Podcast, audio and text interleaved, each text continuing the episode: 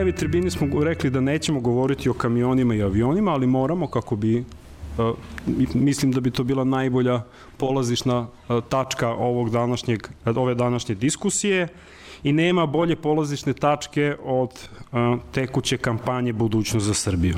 Počet ću od premijerke 15.12.2018. godine Skupština Privredne komore Srbije, da je rekla da je privredni rast Srbije 4,5%, najveći u Evropi i da 10 godina nismo imali dinamični privredni rast i da je javni dug 54% BDP-a, javni dug je 56,7% BDP-a i ono što je vrlo važno istaći, osim što je to netačno, je da je zapravo do tog smanjenja javnog duga došlo preko noći. O tome će nešto više, pretpostavljam, Milan Čulibrg govoriti, a to je da je 1. oktobra 2018. došlo do promene metodologije izračunavanja nominalnog BDP-a, da je revizijom preko noći BDP porastao za 6,5%, odnosno 2,2 milijarde evra, što je učinilo da javni dug u BDP-u padne za 4 na 56,7% današnjih. U apsolutnom iznosu, možda je to ipak merodavniji pokazatelj, od 2012. do danas je javni dug porastao za nekih 10 milijardi evra.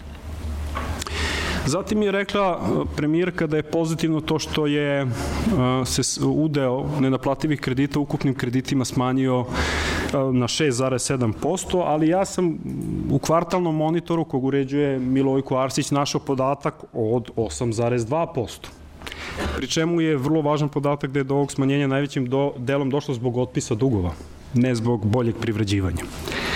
A, tako, da idemo na, zatim premijerka treći drugi 2019. na N1 je izjavila da a, Imamo suficit budžeta treću godinu za redom, što je netačno. Imamo dvu, drugu godinu za redom i 2006. Ne. 2016. smo imali deficit budžeta. Potom 12. drugi 2019. već ova čuvena da je u Srbiji gotovo iskorenjeno siromaštvo i da je smanjena stopa rizika od siromaštva. 13. drugi, koncesija avansi aerodrom Beograd, gde je premijerka simbolično uručila ključeve aerodroma a, Vansiju, gde je izjavila da će u narednih 25 godina Vansi investirati 732 miliona evra. Samo dan kasnije je izjavila u Šapcu, čini mi se, Da, 14.2. da će Vansi uložiti duplo više, milijardu i po. A, Vršac 10.2.2019. predsednik najavio subvenciju za poljoprivrednike. Ta odluka je trebala da bude donesena na sednici vlade 14.2. Takva odluka nije donesena. A, istog dana u Vršcu izjavljuje a, da je otvorio više od 100 fabrika. Istog dana u Pančevu nešto kasnije da je otvorio više od 180 fabrika.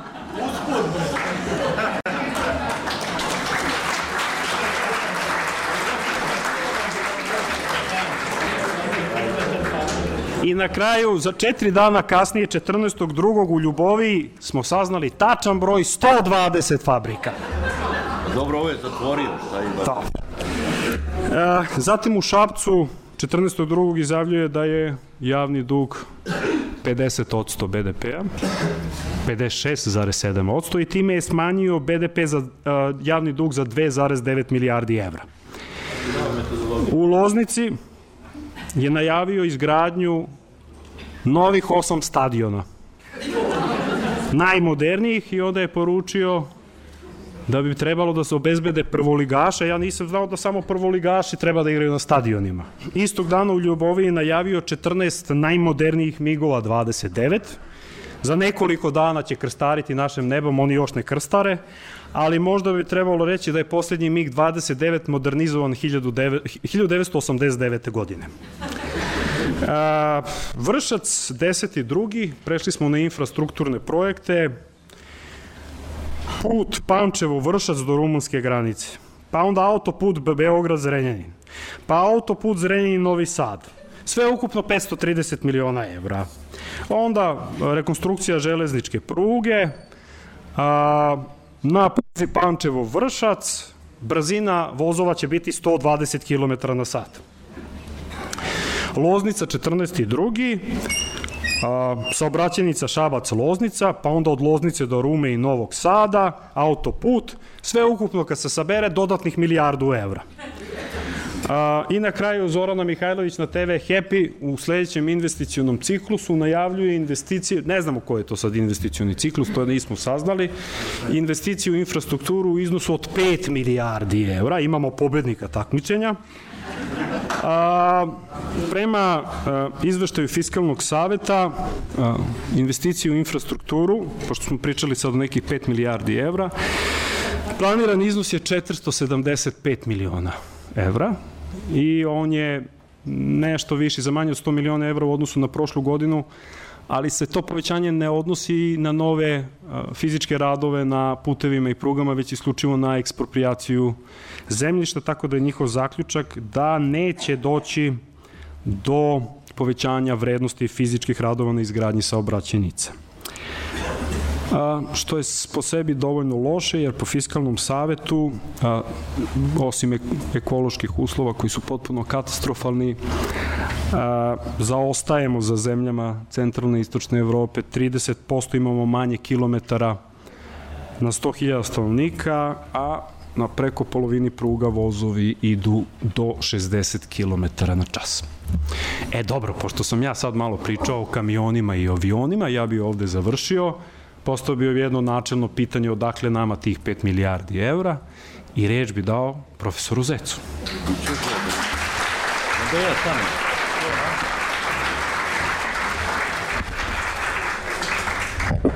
Ma sam sam sebi važniji kad stojim. Ovaj. da. Mi Srbi, ili stanovništvo Srbije, nama je prošlost lepša što je dalja.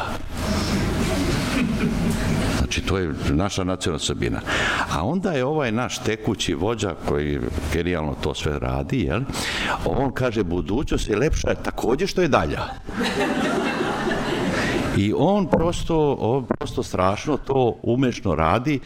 I sjećate se kako izgleda trka pasa steraju pse kao i konje u boksove, pa onda ima žica jedna i puste električnog zeca. I oni svi jure zeca, ali kad tog zeca ne mogu stići. E Vučić, ovo što nama radi, on nama izmiče budućnost.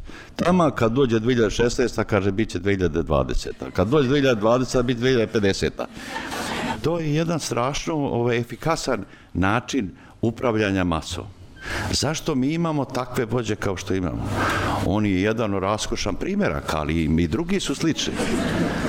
E to su pitanja na koje bi ja želeo ovde da skrenem pažnju da to nije sve od juče i da to nije sve slučajno i da to nije eksces već da to postaje pravilo. Pripisujući ove osobine nadnaravne i tako dalje svim našim vođama, mi pokušamo verovatno sebe opravdati zašto se nama baš desilo. Mi sad kad treba da se vratimo, mi ne znamo gde ćemo se vratiti. Česi znaju gde će se vratiti, Poljaci znaju, ovi drugi znaju, mi ne znamo gde ćemo se vratiti. Manje više ne znamo u to građansko društvo koje postoji u rudimentima, to je razvaljeno, ne postoji ni sećanje i tako. I to su ti problemi. Znači, zašto ne možemo napraviti državu, pogotovo ne pravnu i ne demokratsku, nismo je nikad imali, i ne možemo napraviti ekonomiju efikasnu. Ne možemo napraviti zato što su to spojene posude.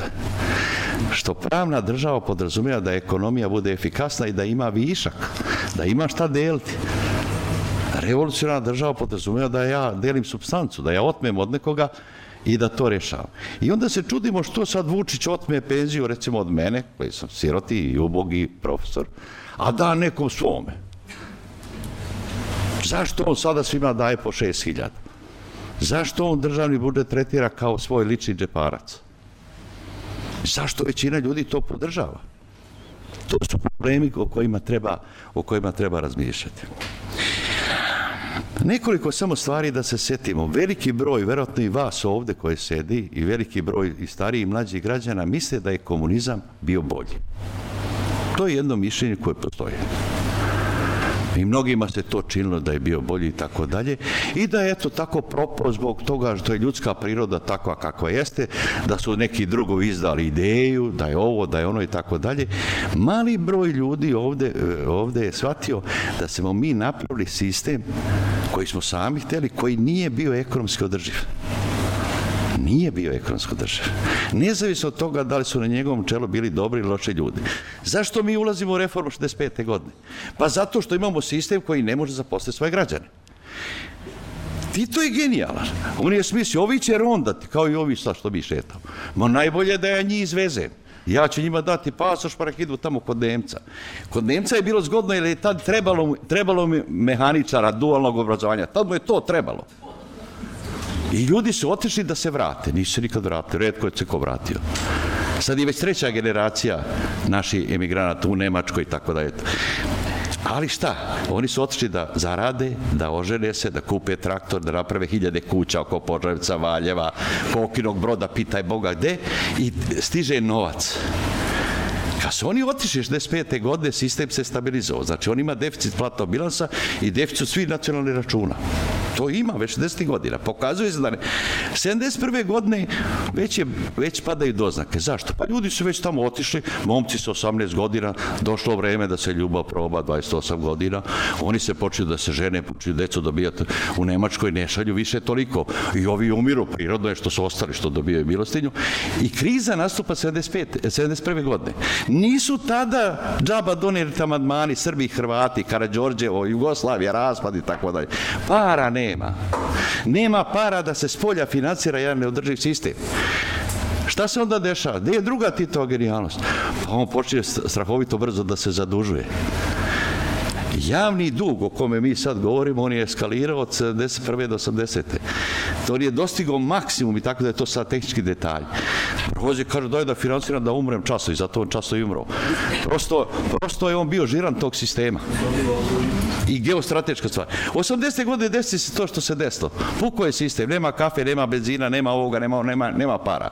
Počne da se štampaju novac, da doguramo do 70% dnevno i da se raspadne sve u krvi 90. godine.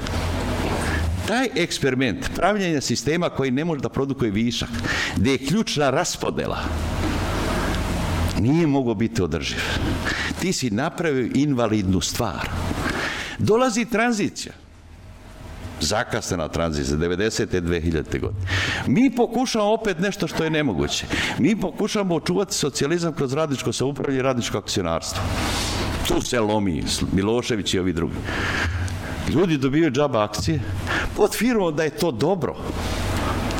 Jedino su te dve države, mi i Rusi, išli na besplatnu podelu akcija. Što ima hiljadu argumenta, što je narod prihvatio, kaže to je naše i tako, sve je to u redu.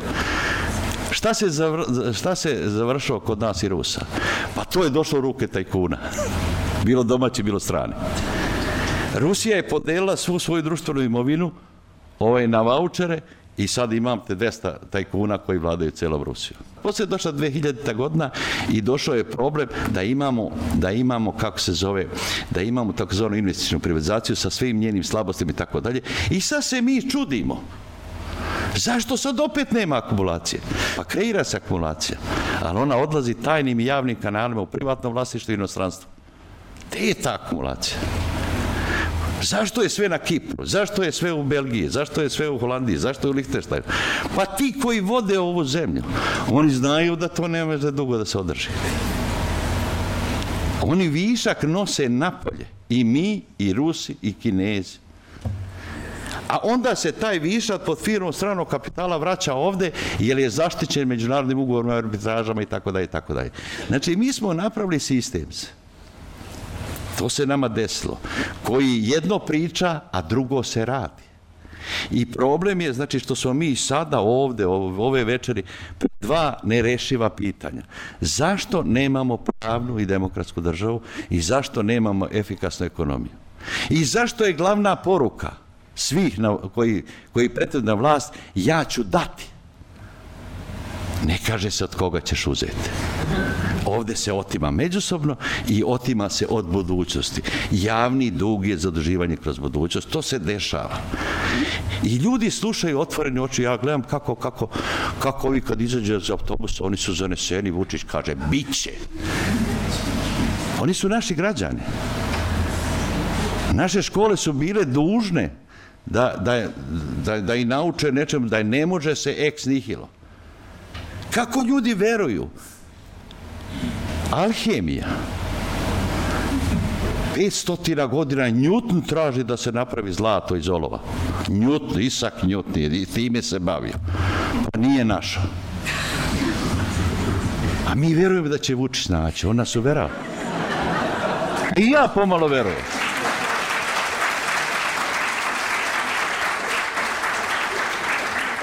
Još samo ne. Znači, mi svi slušamo.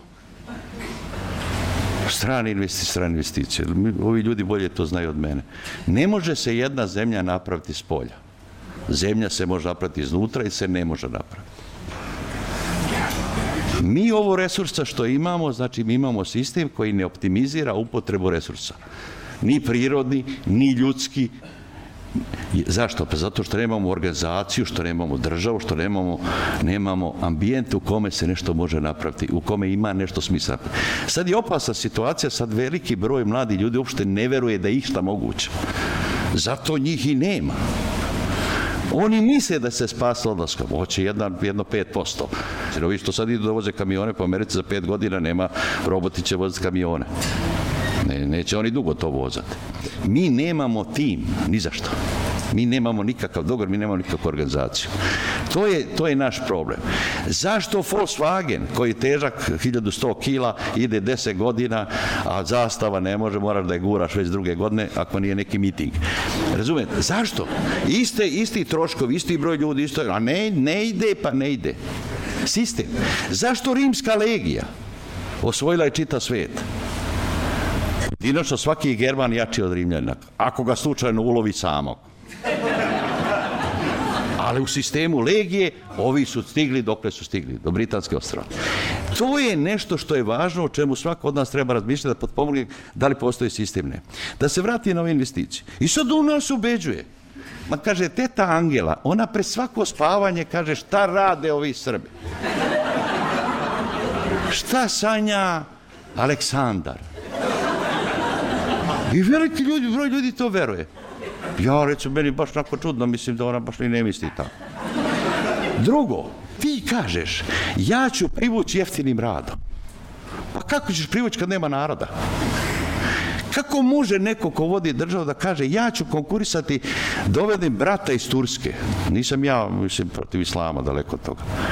Ali Turska je država koja ima 60 miliona stanovnika. Prostora starost Turaka i Turkinja je 27-8 godina. Nas ima 4-5 miliona, prostora staro 45 godina, 4-4 koliko već.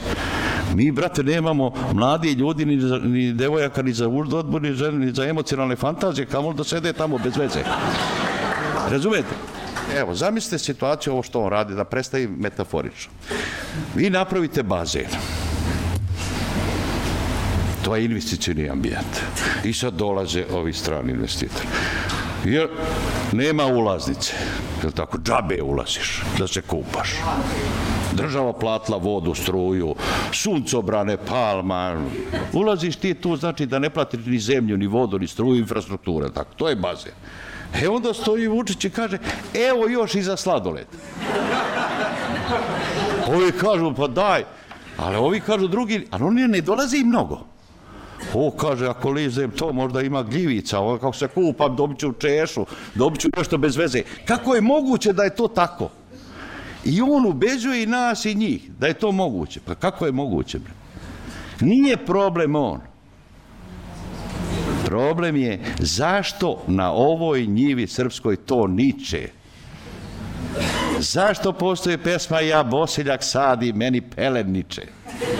Halo?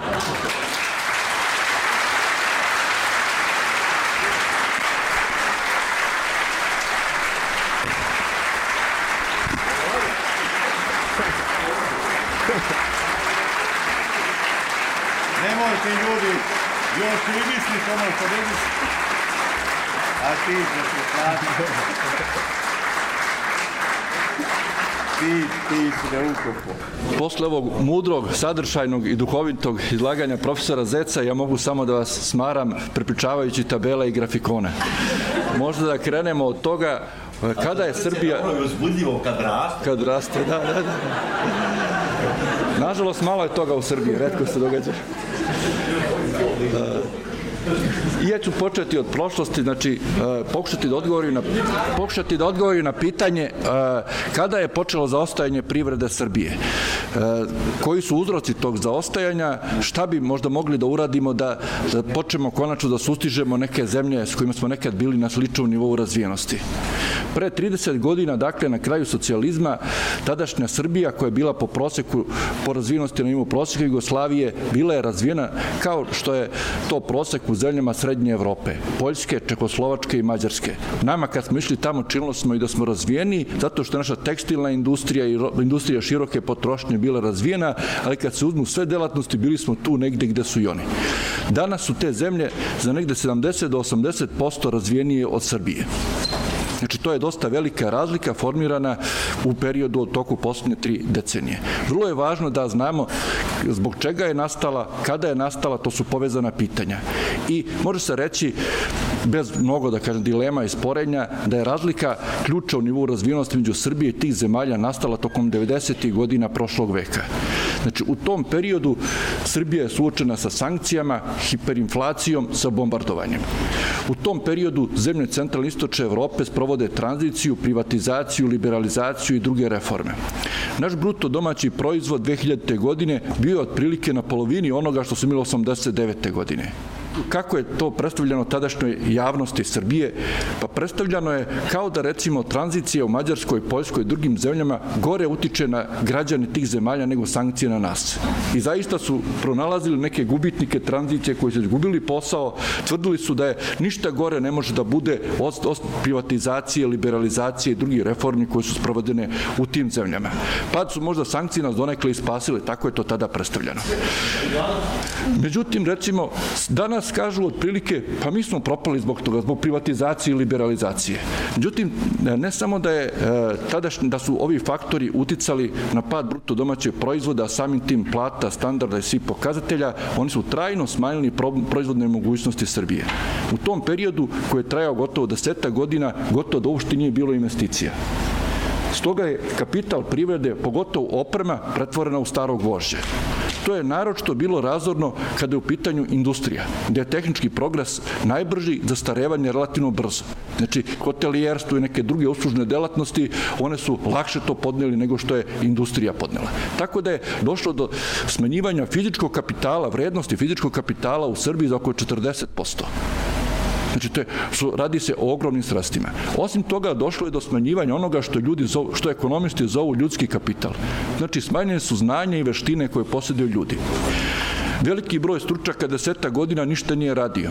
Znači nisu učitali u, e, u nekim projektima, nisu realizovane investicije, nisu imali kontakte s međunarodnom zajednicom, tako da su njihova znanja dobrim delom postala prevaziđena, jer 90. godine su bile godine velikog tehnološkog napretka u svetu.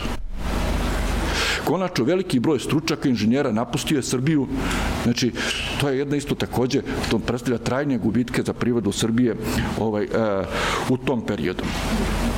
I ovaj, e, pokidane su poslovne veze zbog toga kada je došlo do e, otvaranja Srbije prema svetu 2000. godine, startna pozicija je bila prilično loša.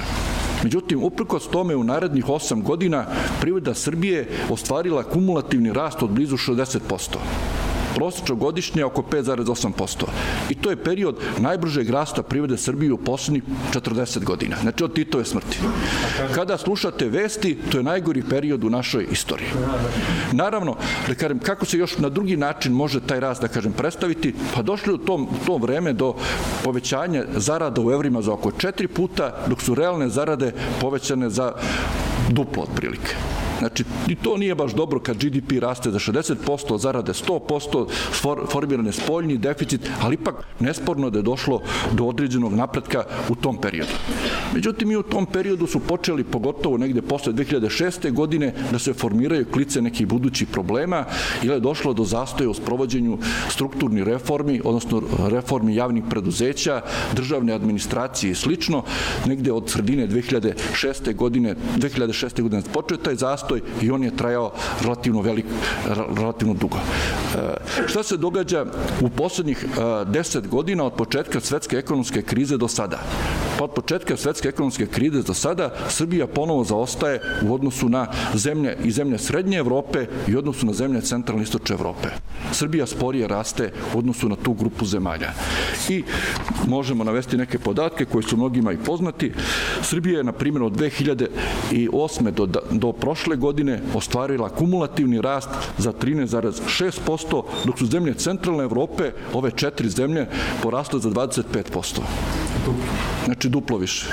Taj zaostatak je takođe ovaj, e, relativno veliki, iako ga računamo od dolaska SNS-a na vlast od 2012. godine do sada. U tom periodu mi smo ostvarili rast negde od oko 13%, dok su sve zemlje centralne istočne Evrope, a i srednje Evrope u tom periodu imali rast preko 20%. Jedini period kad smo relativno nešto bolje prošli je bio uh, period ekonomske krize. Recimo, u tom periodu je Srbija imala pad 2009. za 2,7%. Prosečan, recimo, pad u svim zemljama centralne istočne Evrope bio je 7,5% u 2009. godini. Znači, mi smo tu krizu, što se tiče ekonomske politike, relativno dobro progurali, ali se u tom periodu gomilaju strukturni problemi. Znači, gomilaju se problemi u javnim preduzećima, gde se odustaje od njihovog restrukturiranja, imamo neke korake čak i nazad. U tom periodu gomilaju se problemi u bankama i de facto stvaraju se klice nekih budućih problema, da kažem, koji će ometati rast privede Srbije. Drugi faktor koji je uticao na spori rast privede Srbije u 10 godina je to što je Srbija kasnila 10 godina u sprovođenju fiskalne konsolidacije, kasnila 3 godine u sprovođenju fiskalne konsolidacije. Većina zemalja u centralistočnoj Evropi primjenila je fiskalnu konsolidaciju iz 2011. godine. Mi smo primjenili tek 2014. godine. Znači, ako bi hteli da podelimo ko je odgovoran za to, mogli bi da kažemo prethodna vlada je kasnila jedno godinu i po dana, naredna vlada je kasnila jedno dve godine. Prethodna vlada je bila relativno slaba, fragmentirana, sa mnogo stranaka, nimala snage da sprovede neke potrebne mere fiskalne konsolidacije. Nova vlada formirana 2012. godine je došla sa potpuno nerealnim idejama o tome kako treba sprovesti fiskalnu konsolidaciju. Tad su tvrdili da će izvršiti prepakivanje dugova, Zatim, to se ušte nije dogodilo. Nismo te uštede napravili po tom osnovu. Bilo je jasno i tada da to nije moguće. Zašto bi neko koji nam je nekad odobrio kredit po 6-7% pristao da mi to zamenimo sa kreditom po 2 ili 3%? To ako ugovorom nije predviđena ta mogućnost, a znali smo da za većinu kredita nije, nije bila realna opcija da se recimo u tom periodu ovaj, e, izvrši prepakivanje. Bilo je drugih nerealnih ideja, iako je u to vreme, recimo sredinom 2012. fiskalni savjet izašao s jednim predlogom detaljnim predlogom fiskalne konsolidacije koji da je primenjen tada, znači e, kada je javni dug iznosio oko 15 milijardi evra, je mogao da prođe bez smanjivanja plata i penzija. Tad je bilo potrebno samo da se PDV poveća, da se plate i penzije zamrznu jedno dve godine, znači nije, ne bi morali to da smanjimo. Međutim, očigledno prve dve godine su izbegavane nepopularne mere kako bi se učvrstila vlast. Znači, cela politika je bila u tom periodu da se preuzmu sve poluge vlasti od medija, finansijskog sektora, bezbednosti službi, tako da se društvo stavi pod jednu, da kažem, čvrstu i potpunu kontrolu. Nakon 2015. godine u Srbiji se primenjuje program fiskalne konsolidacije, koji ako izolovano posmatramo je dao relativno dobre rezultate. Od fiskalne konsolidacije više ne može da se očekuje. Znači, smanjen je fiskalni deficit koji je bio vrlo veliki 2014. najveći u Evropi, zaustavljeno je rast javnog duga, recimo, i kad je u pitanju rast javnog duga, to je jedan od brojnih predmeta manipulacije u ekonomskim i političkim političkim raspravama, znači u trenutku dolaska SNS-a na vlast, on je iznosio 15,4 milijarda da bi recimo pre sprovođenja fiskalne konsolidacije, znači do graja 2014. porastao za 7,5 milijardi. A onda u periodu sprovođenja fiskalne konsolidacije još za oko 2,5 milijarde. Prema tome, to je mnogo veće povećanje javnog duga nego što se dogodilo tokom prethodne vlade, iako je ta prethodna vlada uh, vladala i u vreme svetske ekonomske krize. Ako imamo samo makroekonomsku stabilnost, moguće da u takvom stanju tavarimo decenijama. I mnoge zemlje su tako funkcionisale, mnoge afričke zemlje koje su vele devizno veće kao Bosna i slično, recimo nisu imale inflaciju, nisu imale deficite, decenijama su stagnirale na nekom niskom nivou razvijenosti. Za rast je potrebno više od toga, a ono što je ključno, to su dobre institucije. Generalno, predsednik je verovatno u pravu kad kaže da je on otvorio 120 fabrika i verovatno je to najviše od svih predsednika u Evropi ali naša privreda rast, sporije raste od tih privreda. Privredni rast se ne obezveđuje na taj način. Znači, prirodni rast se obezbeđuje na taj način što se usvoje dobri zakoni, što se oni striktno primenjuju, što imamo efikasnu državnu administraciju koja, u kojoj su zaposleni ljudi koji imaju odgovarajuće kompetencije, ljudi koji su posvećeni poslu, gde se poštenje ceni i vrednije, a ne partijska lojalnost. Iako bi stranka da se više posveća, da se posveti u EPS-u mogla da nađe inženjere koji će biti lojalni, ali i stručni. Znači, to je, na primjer, Milošević radio, tamo su uvek bili direktori koji su, recimo, bili u jednoj vrhunski inženjeri. Tako da mi imamo sada problema u nekim delatnostima kojima ne bi trebalo. I dobra ekonomska politika i strukturne reforme zahtevaju dobre institucije. Pa sad je pitanje, a zašto mi ne uspostavimo to dobre institucije? To je profesor Zec ovaj, e, postoje kao pitanje, da odgovor, ja ću isto pokušati sa svoje strane, čini nam se da mi nemamo istoriju dobrih institucija od kad smo uspostavili svoju samostalnu državu. Postoje relativno moćne interesne grupe kojima odgovara ovakvo stanje. To su pre svega ljudi u vladajućoj stranci čiji, čiji je cilj dugoroča vlast bez obzira na rezultate. To je vlast koja postoji u Belorusiji, u Crnoj Gori, u još nekim zemljama, gde recimo vlast opsta i kad ima uspeha i kada nema uspeha, toliko kontroliše društvo da praktično politički protivnici nemaju šanse. Deo tog procesa jeste i bogaćenje kako samih ljudi na vlasti, tako i recimo ljudi u biznisu koji su blisko povezani s njima. Znači dok su propisi generalno loši za celu privredu, postoji deo, da kažem, domaćih preduzeća koji imaju privilegovan status i takođe stranci su za, e, zaštićeni od nekih najvećih slabosti našeg privrednog sistema. Strani investitori, bar u trenutku kada ulaze i u početku imaju posebnu pravnu zaštitu od strane države. Znači, prosto, to što se njima daje kao posebna zaštita, trebalo bi da bude dostupno svima. A Evropska unija pitanje koliko će ona da insistira na tome. Da li će dati prednost s uspostavljanju dobre institucije ili neke, nekim geostrateškim interesima, poput recimo rešavanja kosovskog pitanja, odnosa s Bosnom i Hercegovinom i Rusijom. U nekim slučajima progledale mnogim zemljama kroz prsta Rumunije i Bugarska nisu zrele bile za ulazak u, u Evropsku uniju, ali su ušle. Znači i u slučaju Srbije je nešto tako moguće i ne bi trebali da prepustimo da naša sudbina zavisi od drugih. Hvala. Kad sam dolazio, dolazio sam sa mnogo više optimizma, ali posle Milojka moram da priznam da sam mnogo veći pesimista. Kaže, a, za, ja, za brži rast potrebne su nam jake i snažne institucije. I prvo što mi je prošlo kroz glavu, setio sam se negde pred novu godinu, predsednik je u, pre nego što je počeo da obilazi okruge, obilazio televizije sa nacionalnim frekvencijama i rekao je da je savjetovo, da je zapravo zvao guvernerku Jorgovanku Tabaković i da je predložio da kupuje zlato umesto deviza, jer ima nagoveštaja krize i da bi trebalo jačati zlatne rezerve. Sad ja gledam da li u Narodnoj banci ima iko ko o tome razmišlja, da li postoji neki ljudi koji se bave operacijama na deviznom tržištu, onda dva dana posle toga kaže guvernerka da mi ćemo poslušati savet predsednika. I kaže Milojko sa jakim institucijama brži rast. Tako da, stvarno je dinar e, najjača valuta na svetu u posljednje dve, dve godine. Recimo, evo konkretno, februar 2017. februar 2019. ovako, prema evru ojačao skoro 5%. Pre, prema britanskoj funti 7%, dobro, oni su jednako pukli. Ruska rublja naša dražesna, krasivaja, krasnaja, kako bi se reklo, 15% je dinar ojačao prema rublji u poslednjih dve godine. Moćni smo brzo. Švajcarski franak, ljudi, 13% dinar jači. Kanadski dolar 15%. Američki dolar 10%. I vi niste srećni.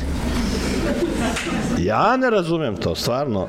Ovaj, ponekad se pitam, kad pogledam ovakve cifre, ovaj, šta zapravo stoji iza toga, a onda... Jer zbog toga upao udeo javnog duga u BDP? Pa o tome i govorimo, da. A, trećina javnog duga Srbije u evrima, dakle, pošto je dinar ojačo 5%, BDP se izražava u dinarima, automatski vam pada, pošto, pošto je još trećina u dolarima, još 10% i evo nama javni dug za čas na 56, iako predsednik jutro ponovo rekao da je 50%.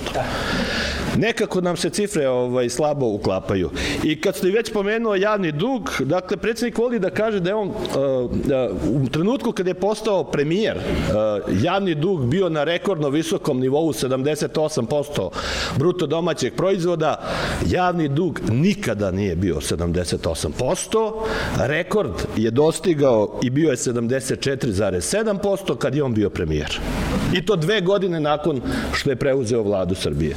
Dakle, vi povećate bruto domaći proizvod 2,5 milijarde evra, kako da vam kažem, i onda na osnovu toga apsolutni iznos duga koji je 24 milijarde evra poslednjih nekoliko godina stoji na tom nivou, naravno da je udeo izračunat u procentima, to verovatno deca u osnovnoj školi mogu da izračunaju u trećem razredu, da pada udeo, ali to nije rezultat ovaj, smanjivanja duga, nego jednostavna matematička operacija zbog koje sam se takođe tri meseca svađao sa direktorom Zavoda za statistiku Miladinom Kovačevićem. A ne, šta je poenta?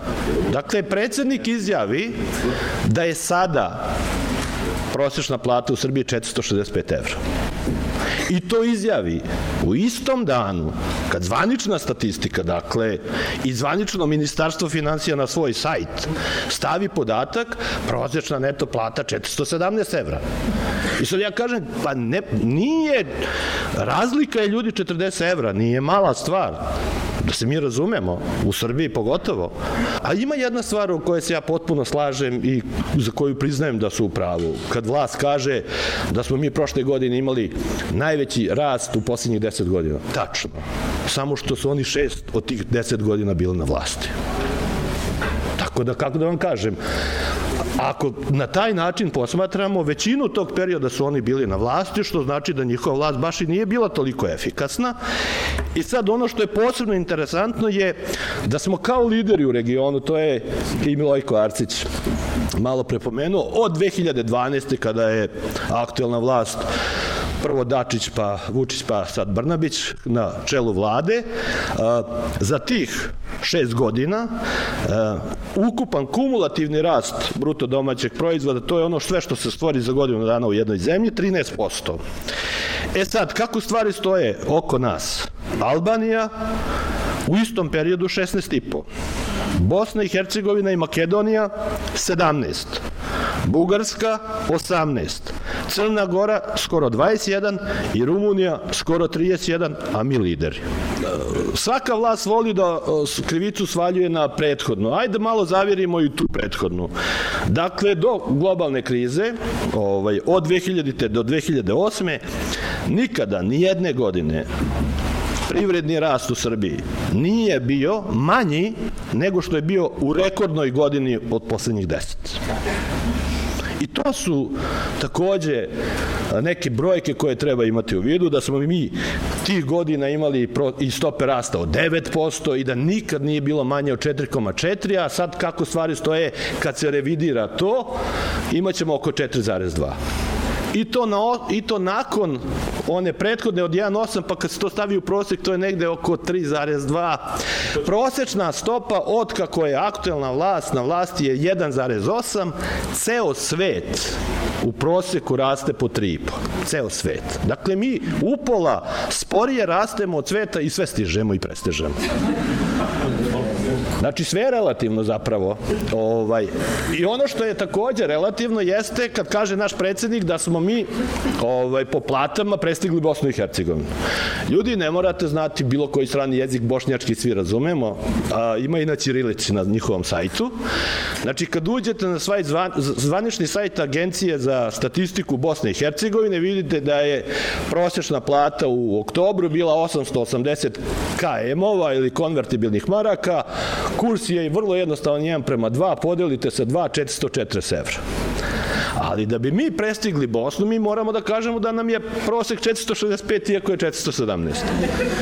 Ognjen je pominjao i ovu izjavu premijerke o, o, o, o iskorenjivanju, skoro smo iskorenili apsolutno siromaštvo, a ovaj, računao sam i to. Znači, mi smo, ovaj, problem je što ne mrzi me da računam.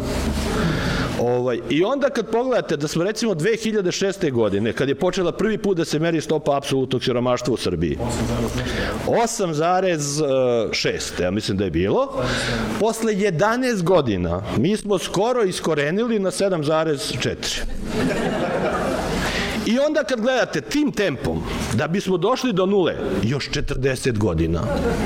I skoro smo ga iskorenili. I kako se tu stvari potpuno relativizuju i kako se zapravo vrlo lako zapravo ljudi preveslaju preko vode, a da nisu ni svesni. Stopa rasta industrijske proizvodnje je na kraju prošle godine bila 1,2%. Najsporija stopa rasta od poplava 2014 i usporava, što je najveći problem. Pa vi ne možete taj trend da preokrenete preko noći. Ako vam problematična poljoprivreda s jedne strane neizvesna, ako vam usporava, ako je u Italiji recesija, ako je moguće da će biti zvanično proglašena recesija u Nemačkoj, to su dva naša najveća spoljno-trgovinska partnera, kojima mi izvozimo godišnje između 4 i 5 milijardi evra.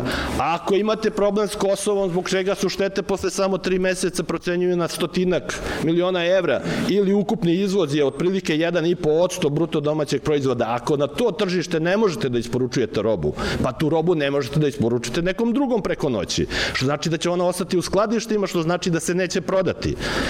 Pa ako tih 1,5 izostane u sve ovo, Pa ja se nekako bi bio srećan, čini mi se u ovom trenutku da kažem da ove godine stopa rasta bude 3% i da smo svi zadovoljni. I da bismo znali kako da rešimo problem, prvo moramo da priznamo da, da imamo problem. A mi ne priznajemo to, mi smo lideri, mi smo najbolji, mi najbrže rastemo i nikako nikoga da stignemo.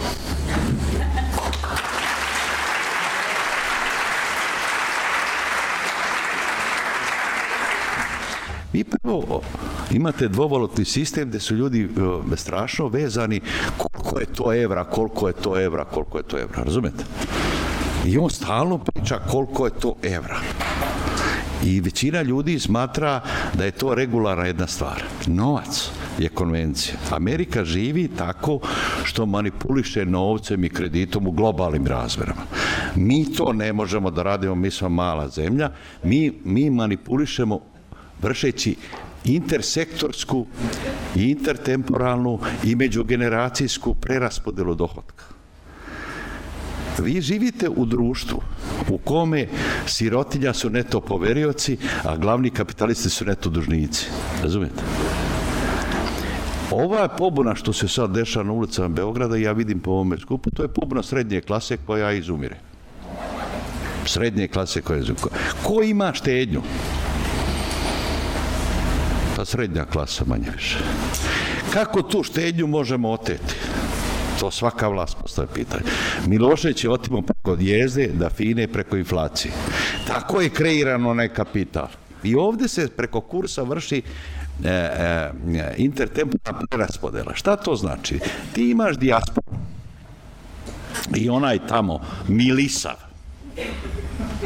iz Dortmunda šta, šalje 100 ojra, ne kaže on više eura, nego ojra, on polu nemački govori. Šalje za prase, za novu godinu, ali nije više prase 100 evra nego 200. I on ne može da shvati da je sada treba za prase 200 evra da se ovih što su živi, da proslave Božić ovaj, rođe, roždestvo Hristovo. Znači, on uzima njemu, njegov dohodak stvoren pre 5-6 godina štednju. Napravio se bankarski sistem gde nam sve uzima. Meni se sirotom penzioneru oskora, ja imam penzionu karticu. Ovaj, I kako ulazi u autobus, juriša narod autobus ko na sutjesci. I, I mene nabio na onaj automat i skine mi sa kreditne kartice 100 dinara. ja kad nisam plako.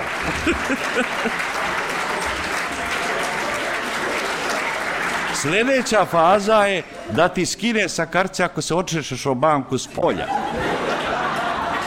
Zašto? Ovde se ne da nama nikako da napravimo portfelj. Srednja klasa mora da ima portfelj sledeće, da ima dohodak i imovinu. I moraš imati kombinaciju fiksne imovine, stabilne i prihodne imovine. To se nama ovde ne da. Ti stalno narod pogrešno smeraš. Sad svi beže štednje, sad prave stanove. Zemlja se smanjuje i seljava se, bit će stanova, ja stanujem u zgradi da ima 12 stanova, nas ima troje. Ja kad vidim komšiju, ja odmah kad vidim da su izbori neki. Šalim se. Znači, on nama ne da. On ima strateški dogovor po aprecijacije kursa da uzme tu štednju iz dijaspore i da je prebaci u dugovni saldo. On ima to kad ne platite struju, dobijete 40% popusta, kad je plaćate, dobijete ništa.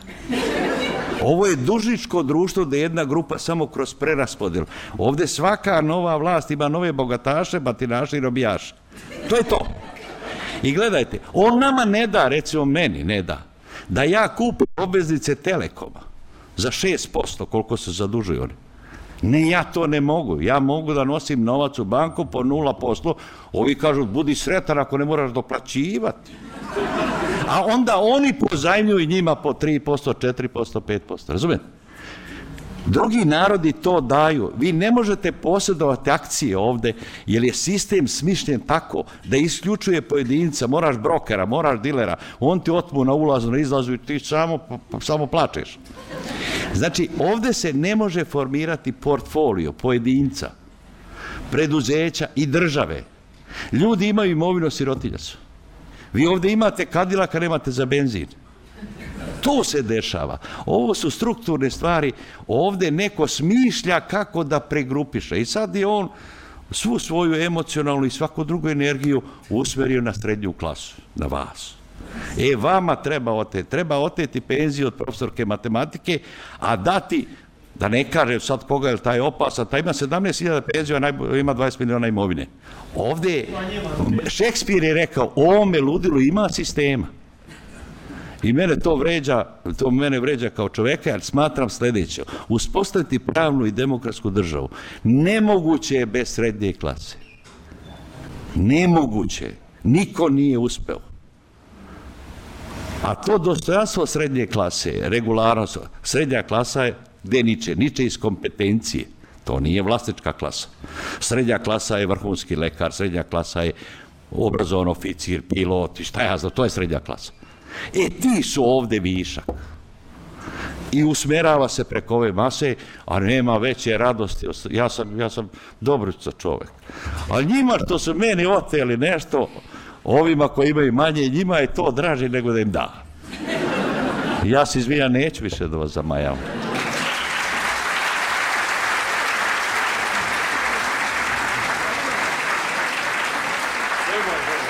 E, tebe, tebe. Nije samo zbog istine. Dakle, ja kao, kao što vlastima ne dam da govore neistine, ni profesoru Zec to ne dozvoljava. A, ako se dobro, ako dobro znam, prošle godine si otišao u penziju. Može, ove, ove. ove 2018. Pa možda pevaš. Možeš da pevaš. Realno kretanje penzija u poslednjih 8 godina. 2010. realni pad 5,6%. 2011. realni pad 3,6%. 2015. realni pad 5,5%, 2016. rast od 0,1%, 2017. opet pad od 1,2 i prošle 3,9 rast. Dakle, sve zajedno, kumulativno, sekundu, sve zajedno, oni koji su otišli 2009. godine, sada realno imaju 17% manju penziju nego što su imali. A penzije nikad veće. Samo, si, samo je tebe zakačilo povećanje.